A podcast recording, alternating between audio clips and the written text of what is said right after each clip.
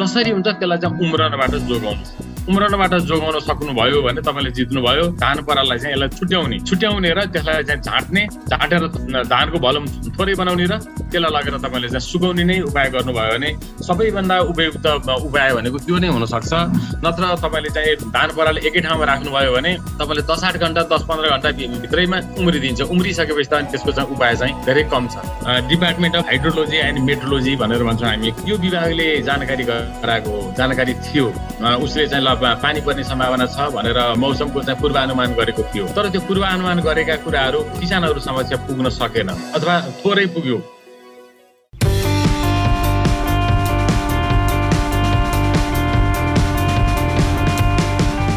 Hello everyone नमस्ते अनि हार्दिक स्वागत छ। कृषि पडकास्टमा म हुँ वीरेन्द्र तिवारी।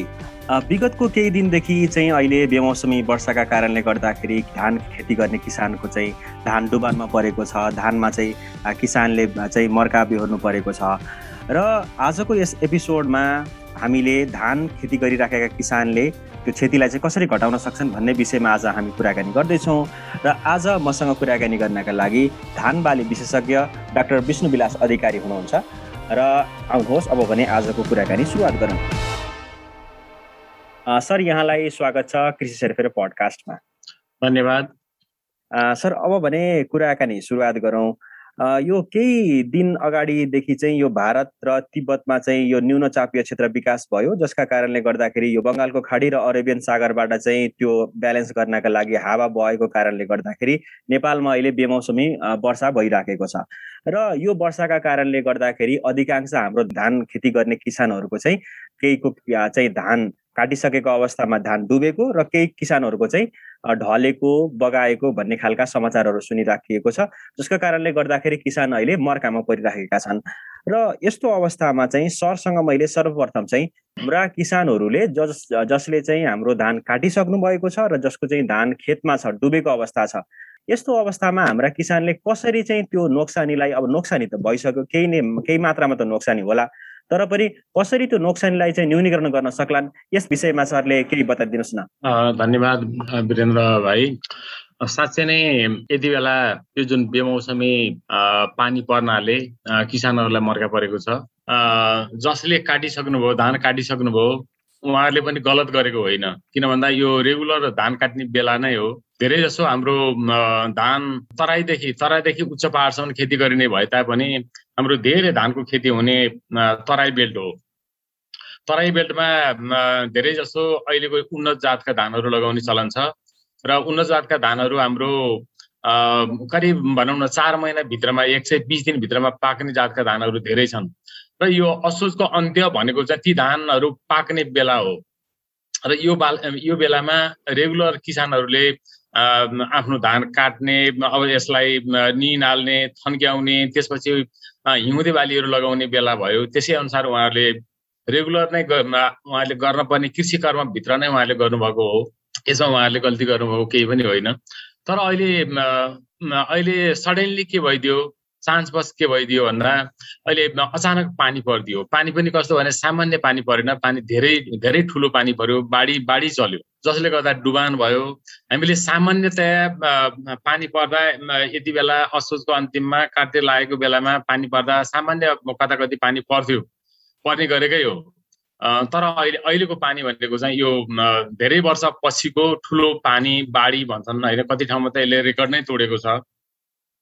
र यसमा जो जति किसानहरूले चाहिँ धान काटिसक्नु भएको थियो उहाँहरूको धेरै ठुलो नोक्सानी भयो र धान काट्नु भएको छैन भने उहाँहरूको अलिकति कम नोक्सानी भएको होला। तर त्यसमा पनि डुबान नै धेरै लामो समयसम्म डुबान भयो भने त नकाटेको धानलाई पनि बिगार्यो कति ठाउँमा बाढी नै आएर बाढीले लिएर गयो। अब त्यो त केही गर्न सक्ने अवस्था रहेन। मैले यति बेला तपाईँले जो प्रश्न गर्नुभयो यसमा विशेष गरेर किसानहरू जसले धान काटिसक्नु भएको थियो यो चार पाँच दिनको जुन पानीले बिगार्यो बिगारिसकेपछि अब त्यसलाई बिगार्नबाट पनि अझ कमभन्दा कम क्षति हामीले कसरी गर्न सक्छौँ त?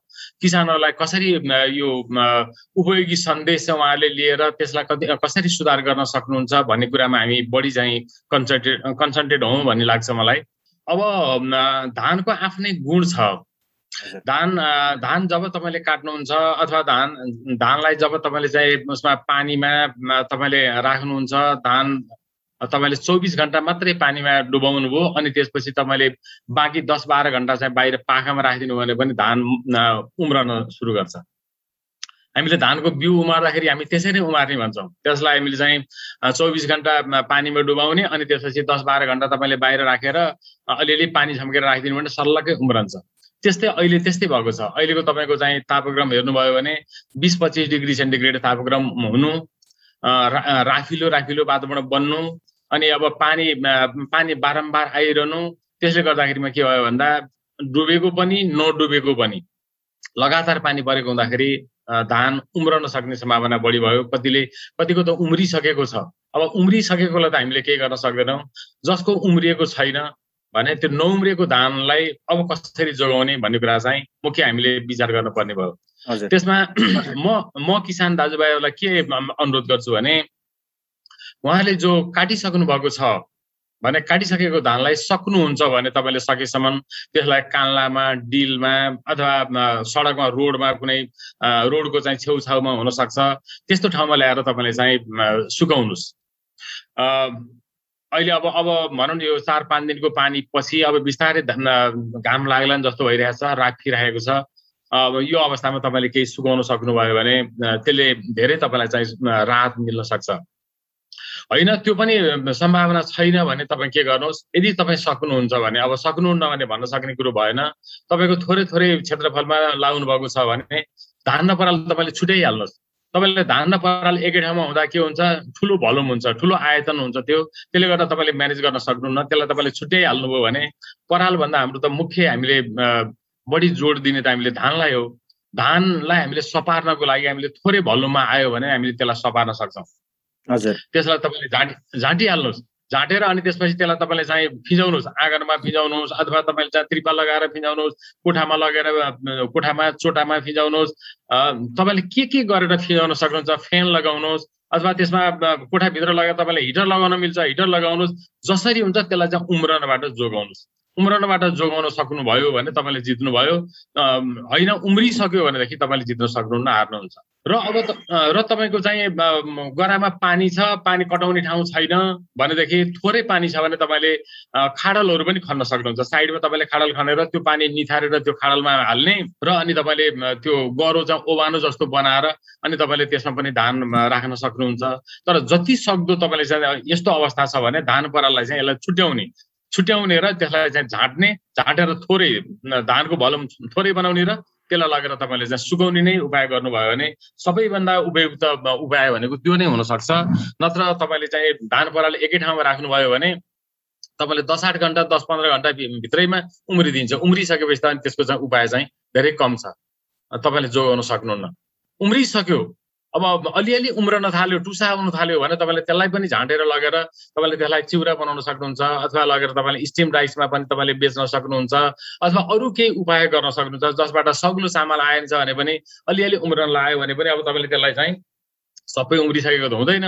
कता कति तपाईँ उम्रन थाल्यो भने पनि त्यस्तो धानलाई लगेर तपाईँले सुकाउने भोलि लगेर तपाईँले स्टोर गर्ने र कुट्ने गर्दाखेरिमा के हुनसक्छ? कनिका निस्कन्छ त्यसमा? सग्लो चामल चाहिँ कम आउनु सक्छ तर आउँदै नआउनु भन्दा कनिका नै आयो भने पनि कमसेकम हामीले खान त पाउँछौँ नि त। प्राण त जोगाउन सकिन्छ नि त। त्यो हिसाबले सोच्नुपर्छ होला भन्ने लाग्छ मलाई। पक्कै पनि र अहिले चाहिँ हामीले कुराकानी गरौँ ज जसले चाहिँ धान काट्नु भएको थियो र जसको चाहिँ धान पाँजा लगाउँदाखेरि पानीले भिजेको छ त्यसले डुबाएको छ त्यस्तो खालको धानको विषयमा हामीले कुराकानी गऱ्यौँ। र अहिले हाम्रो अधिकांश किसानहरूले अझै नकाट्नु भएको अवस्था पनि छ। अब काट्ने त्यो म्याचुरिटी स्टेजमा गइसक्यो पाकेको अवस्थामा गइसकेका छ। र अझै पनि आज पनि मैले हाम्रो यो पडकास्ट रेकर्ड गर्दै गर्दाखेरि पनि मौसम अझै क्लियरली चाहिँ खुलेको छैन। अझै पनि यो केही केही दिनसम्म लम्बिन सक्ने पूर्वानुमान चाहिँ छ। र अब हाम्रो जस जुन किसानले चाहिँ धान काट्नु भएको छैन त्यस्ता खालका किसानहरूले चाहिँ कस्ता खालका कुराहरूमा ध्यान दिनुपर्छ होला? अब अझै यो म्याचुरिटी भन्दा बढी पाकेको अवस्थाभन्दा बढी पाक्दाखेरि पनि धानको नोक्सानी हुन्छ। हामीले चाहिँ सामान्यतया धान काट्नभन्दा अगाडि चाहिँ केही दिन अगाडि नै पानी सुकाउँथ्यौँ। अहिले त अझै चाहिँ यो बढी पाक्दाको अवस्थासम्म पनि अहिले धानमा धान खेतमा पानी नै छ। यो अवस्थामा चाहिँ सरले के भन्नुहुन्छ सर? सरको यो यो विषयमा चाहिँ लामो समयदेखिको ज्ञान छ विज्ञता छ। के कुराहरूमा ध्यान दियो भने हाम्रा किसानहरूले के कुरामा ध्यान दिए भने चाहिँ अझै नोक्सानी घटाउन सकिएला? सरले के भन्नुहुन्छ हजुर धान जो किसानहरूले ढालिसक्नु भएको थियो नोक्सान भइसक्यो त्यसलाई पनि सकेसम्म कसरी जोगाउने भन्ने कुराहरू हामीले अलिकति छलफल गऱ्यौँ। अब जसले धान काट्नु भएकै छैन। धान एकदम पयलपुर भएको छ काट्नलाई एकदम रेडी छ। तर पानी छ जमिनमा पानी छ। अथवा पानी नै छैन पानी तर्किएर जस्तो पहाडी बेल्टमा पानी तर्किएको नै हुनसक्छ। तर पनि के भने मौसम खुलेकै छैन। मौसम सफा होला जस्तो नै छैन। अझै पनि एक दुई दिन अझै पनि पानी आउँछ कि भने जस्तो छ। भने तपाईँले धान नकाट्नुहोस्। धान काट्नु हुँदैन। हामीले अब धान काट्ने सवालमा धान पाक्यो कि पाकेन भनेर हामीले ख्याल गर्ने भनेको चाहिँ धान जहिले पनि टुप्पाबाट पाक्न सुरु गर्छ र फेदको दानासम्म पाक्छ। तपाईँ बालाको फेदको फेदमा फेदको दानामा यदि दुधिलो छैन त्यहाँ पनि चाहिँ के अरे दुध सुकेर तपाईँको चाहिँ सफ्ट डफ स्टेज भन्छौँ हामी त्यस्तो चाहिँ त्यो स्टेजमा पुगेको छ। भनेदेखि अब धान रेडी भयो। धान चाहिँ सुनौला कलरमा चेन्ज भयो सुन जस्तो देखियो। अनि परालो पनि सुक्यो अब। मतलब के अरे पहेँलो अवस्थामा पुरै रोगन पहेँलो भयो भने त्यसलाई काट्ने हो। अहिले अब धेरै जसो तराई बेल्टमा चाहिँ धान पाकिसकेको अवस्था छ। अब यो मौसमको खराबीले गर्दा विशेष गरेर यो क्लाइमेट चेन्जले चाहिँ यो समस्या ल्याएको भनेर भन्छन्।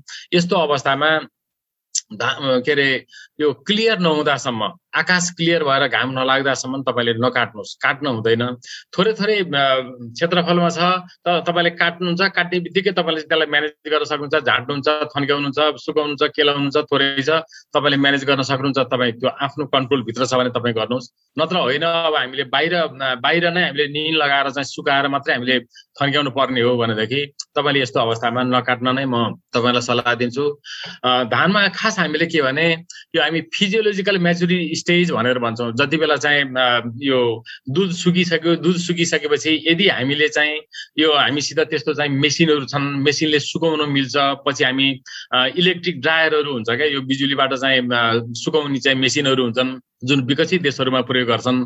त्यस्तो त्यस्तो त्यहाँका किसानहरूले तपाईँको चाहिँ धान त्यो दुधिलो अवस्था पार गऱ्यो भने त्यसलाई काट्न सकिन्छ। तर अब हामीले चाहिँ सक्दैनौँ। हामीले घाममै सुकाउनु पर्ने भएको हुनाले हामीले चाहिँ धान राम्रोसँग पाकेपछि मात्रै फेदाका दाना पनि सबै पहेँला भइसकेपछि मात्रै हामीले चाहिँ काट्नु पर्ने हुन्छ र अब यो अवस्थामा काटेन भने के हुन्छ भन्नु होला अब यो अवस्थामा यति बेला यसमा खेतमा प्रशस्त पानी छ भने तपाईँले पाँच दिन सात दिन दस दिन ढिलो गर्दा नि खासै बिग्रिहाल्दैन। किन भन्दा जब पानी नै भइरह्यो भने के हुनसक्छ त्यो चिसो भइरहन्छ। चिसो हुँदाखेरिमा उसमा प्लान्टमा बिरुवामा पनि के हुन्छ पानीको मात्रा बढी हुन्छ दानामा पनि पानीको मात्रा बढी हुन्छ। जसले गर्दा यो चाँडै नै के अरे बिग्रिहाल्ने चाँडै सुकेर चाँडै कुहिएर जाने यस्ता कुराहरू केही पनि हुँदैन। एक हप्ताले केही फरक पर्दैन। तर त्यसको एउटा एउटा कारण के हुनसक्छ जति तपाईँले डिले गर्नुभयो ढिलो गर्नुभयो धान काट्न त्यति त्यति के हुनसक्छ धानको दानाहरू दानाहरूमा चाहिँ रप्चर हुन्छ फुट्छ। जसरी तपाईँले चाहिँ कटहर फुटेको देख्नुहुन्छ तपाईँले त्यस्तै आँप फुटेको देख्नुहुन्छ हो त्यस्तै त्यस्तै गरी यसमा पनि के हुन्छ? यो फुट्छ। हामीले सूक्ष्म दर्शक यन्त्रमा राखेर हेऱ्यौँ भने प्याट्ट फुटेर चाहिँ आ भएको हामी देख्छौँ तर हाम्रो खाली आँखाले देखिँदैन। यदि त्यसरी तपाईँले ओभर मेच्युरिटी भयो धेरै पाक्यो धान भनेदेखि त्यसरी फुट्छ। माथि माथिका दानाहरू चाहिँ टुप्पा टुप्पाका दानाहरू जम्मै फुट्छन्। फुटेपछि के हुनसक्छ? एक तपाईँले काट्दाखेरिमा झर्न सक्छ। दोस्रो तपाईँको काट्दाखेरिमा नि झरेन भने के हुनसक्छ? पछि लगेर तपाईँले चाहिँ जब त्यसलाई भण्डारण गर्नुहुन्छ पछि मिलमा लानुभन्दा अगाडि तपाईँले सुकाउनुहुन्छ। सुकाएर लगेर मिलमा फुटाउनुहुन्छ। फुटाएपछि त्यो चाहिँ के हुन्छ? मिलको त्यो मेसिनले हानेपछि हानेपछि त्यो धुलो हुन्छ। अथवा त्यसबाट कनिका हुन्छ धुलो हुन्छ त्यो आखिरी चाहिँ खान लागि सग्लो चामल चाहिँ निस्कँदैन त्यो चाहिँ त्यसको डिमेरिट्स हो भनौँ त्यसको चाहिँ बेफाइदा त्यो तर त्यो त्यो भए तापनि भए तापनि अहिले हामीले यति बेला हेर्दाखेरिमा हामीले एक हप्ता एक हप्ता बरु चाहिँ काट्नलाई ढिलो नै गऱ्यौँ भने पनि खासै फरक पर्दैन हामीले जित्छौँ। त्यसो हुनाले अहिले यो मौसममा सुधार नआउँदासम्म अब नकाटिएको धान चाहिँ नकाट्न नै म अनुरोध गर्छु। र सर जस्तो अब अघि सरले पनि सुरुवातमा कुराकानी गर्नुभएको थियो अहिलेको जुन अवस्था आएको छ यसमा चाहिँ किसानको गल्ती छैन। किसानले गर्दाखेरि अहिले धान काटे यो सामान्य अवस्थामै उनीहरूले धान काटेका हुन्। यसमा चाहिँ उनीहरूको गल्ती छैन भन्ने खालको कुराहरू पनि गर्नुभयो। पक्कै पनि सर र अहिले केही दिन अगाडि चाहिँ हाम्रो जल तथा मौसम विज्ञान विभागले अहिलेको अवस्थामा पानी पर्न सक्छ भनेर पूर्व अनुमान गरिसकेको थियो। तर त्यो जानकारी चाहिँ हामीले हाम्रो स्थानीय हाम्रो किसानहरूलाई गाउँ गाउँमा किसानको कानसम्म पुर्याउन सकेनौँ। हाम्रो यो एक्सटेन्सनको यो प्रसारको संयन्त्र यो सिस्टम हाम्रो चाहिँ अलिक स्ट्रङ नभएको कारणले गर्दाखेरि पनि अहिलेको अवस्था चाहिँ सिर्जना भएको हुनसक्छ। यदि किसानले अब यो पानी पर्दैछ ठुलो पानी पर्दैछ भन्ने जानकारी समयमै पाइदिएको भए अहिले धान धान काट्दैनथे होला। यो यो यो कुरामा पनि अलिकति हाम्रो सिस्टम हाम्रो यो कृषि प्रणाली हाम्रो कृषि क्षेत्रले पनि यसलाई चाहिँ अलिकति महत्त्व दिनुपर्छ जस्तो लाग्छ। सरले के भन्नुहुन्छ सर? यो किसानलाई जलवायुसँग सम्बन्धित जानकारी दिनका लागि कस्तो खालको कुराहरू अप्नाउन सकिन्छ होला? अथवा चाहिँ के कुरामा ध्यान दियो भने किसान यो विषयमा चाहिँ सुसूचित हुन्थ्यो होला? सर के भन्नुहुन्छ यो विषयमा?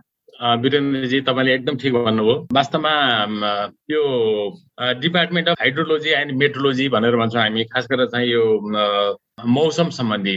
मौसम सम्बन्धीको चाहिँ अध्ययन अध्ययन अनुसन्धान गर्ने र ती कुराहरू जानकारी भएपछि त्यसलाई प्रचार प्रसार गर्ने जुन एउटा हाम्रो विभाग छ यो विभागले जानकारी गराएको जानकारी थियो।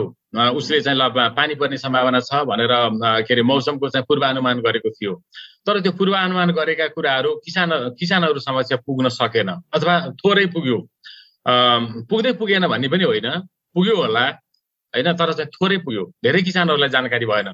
अब यसमा के भने किसानसँग कसरी चाहिँ पहुँच हुन सक्छ पुग्न सक्छ? उहाँहरूको चाहिँ मोबाइलमा त्यो जानकारी गराएर हुन्छ कि उहाँहरूले टेलिभिजन हेर्नुहुन्छ टेलिभिजनको स्क्रिनमा नै ठ्याक्कै आउने चाहिँ बनाइदिएर हुन्छ कि?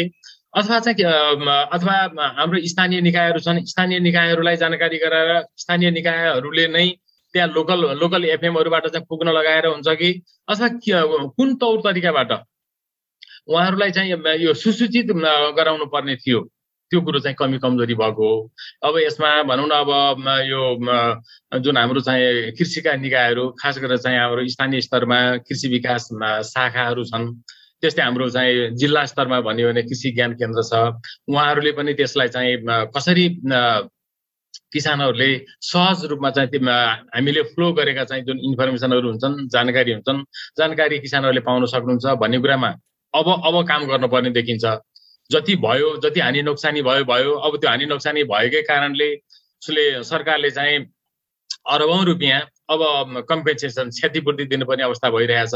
त्यो क्षतिपूर्ति हामीले दिनु पर्दैन थियो नि। पहिले नै किसानलाई सूचित सुसूचित गर्न पाएको भए तपाईँको चाहिँ एक हप्ता पर्खिदिनुहोस् है। एक हप्ता दस दिन तपाईँले धान काट्न हुँदैन अहिले। धेरै ठुलो चाहिँ के अरे बाढी आउँदैछ अथवा धेरै ठुलो पानी पर्ने सम्भावना छ। हानि नोक्सानी हुन्छ भनेर हामीले जानकारी गराउन सकेको भए सायद किसानहरूले पर्खिनुहुन्थ्यो र यति ठुलो नोक्सानी हुँदैन थियो जसले गर्दा सरकारले त्यत्रो क्षतिपूर्ति दिन पर्दैन थियो अथवा किसानहरूलाई चाहिँ धेरै हानि नोक्सानी हुँदैन थियो होइन यो यो आफ्नै ठाउँमा छ। तपाईँको चाहिँ धेरै जसो के भने डेभलप कन्ट्रीहरूमा त्यो हुन्छ। डेभलप कन्ट्रीहरूमा तपाईँ कहाँबाट चाहिँ कस्तो किसिमको चाहिँ के अरे बादल उठेको छ? कहाँबाट कस्तो मनसुनहरू चाहिँ सुरु भयो? त्यो कता जाँदैछ। त्यो कति दिनभित्रमा हाम्रो हाम्रो आकाश माथि आइपुग्छ? त्यसले कति पानी पार्छ कति दिनसम्म पानी पर्छ अनि त्यसपछि कहिले त्यो निस्कन्छ कहिले सकिन्छ यी सबै कुराहरू चाहिँ उसमा टेलिभिजनका पर्दाहरूमा स्क्रिनहरूमा आउँछ। र त्यहाँका चाहिँ जनताहरूलाई थाहा हुन्छ। र त्यहाँका जनताहरूले त्यसै अनुसार चलेका हुन्छ बाहिर जाने प्लान बनाउने नबनाउने अथवा तपाईँको चाहिँ क्रपहरू चाहिँ बाली बाली नाली काट्ने लगाउने यो हरेक कुरामा के हुन्छ? तपाईँको चाहिँ यो जुन पूर्वानुमान गर्ने मौसमको पूर्वानुमान गर्ने निकायहरू छन् ती निकायहरूले फ्लो गरेका जुन चाहिँ इन्फर्मेसनहरू जुन जानकारी छन् त्यसका आधारमा चाहिँ किसानहरू चलेका हुन्छन्। हाम्रो त्यसमा अलिकति चाहिँ लिङ्क नभएको अलिकति ग्याप भएको चाहिँ मैले महसुस गरेको छु। पक्कै पनि सर जस्तो अहिले हामीले कुराकानी गऱ्यौँ जलवायुसँग सम्बन्धित जानकारी चाहिँ किसान समक्ष पुर्याउन सक्ने व्यवस्थाको बारेमा र हामी त्यसमा चाहिँ अझै पनि पछि छौँ भन्ने खालको विषयमा हामीले कुराकानी गऱ्यौँ। र अर्को एउटा चाहिँ संवेदनशील विषय अर्को एउटा महत्त्वपूर्ण विषय भनौँ अझै धान खेतीलाई बिमा गर्ने व्यवस्था। हाम्रो किसानले धानको बिमा गरिदिएको भए र हामीले चाहिँ किसानलाई यो बिमामा उत्प्रेरित अझ बाली बिमामा भनौँ बाली बिमा अझै पनि हाम्रो किसानहरू त्यति उत्प्रेरित भएको देखिँदैन। हाम्रा किसानहरूले अहिले चाहिँ बाली बिमा गरिदिएको भए अहिले जुन तरिकाले किसानहरू आत्तिराखेका छन् समस्यामा परिराखेका छन् यो अवस्था चाहिँ बिमा कम्पनीले पनि बेहोर दिएको बेहोर दिन्थ्यो बिमा गरिदिएको भए र किसानहरूले अहिले यति अहिलेको जस्तो अवस्था चाहिँ आउँदैन थियो होला।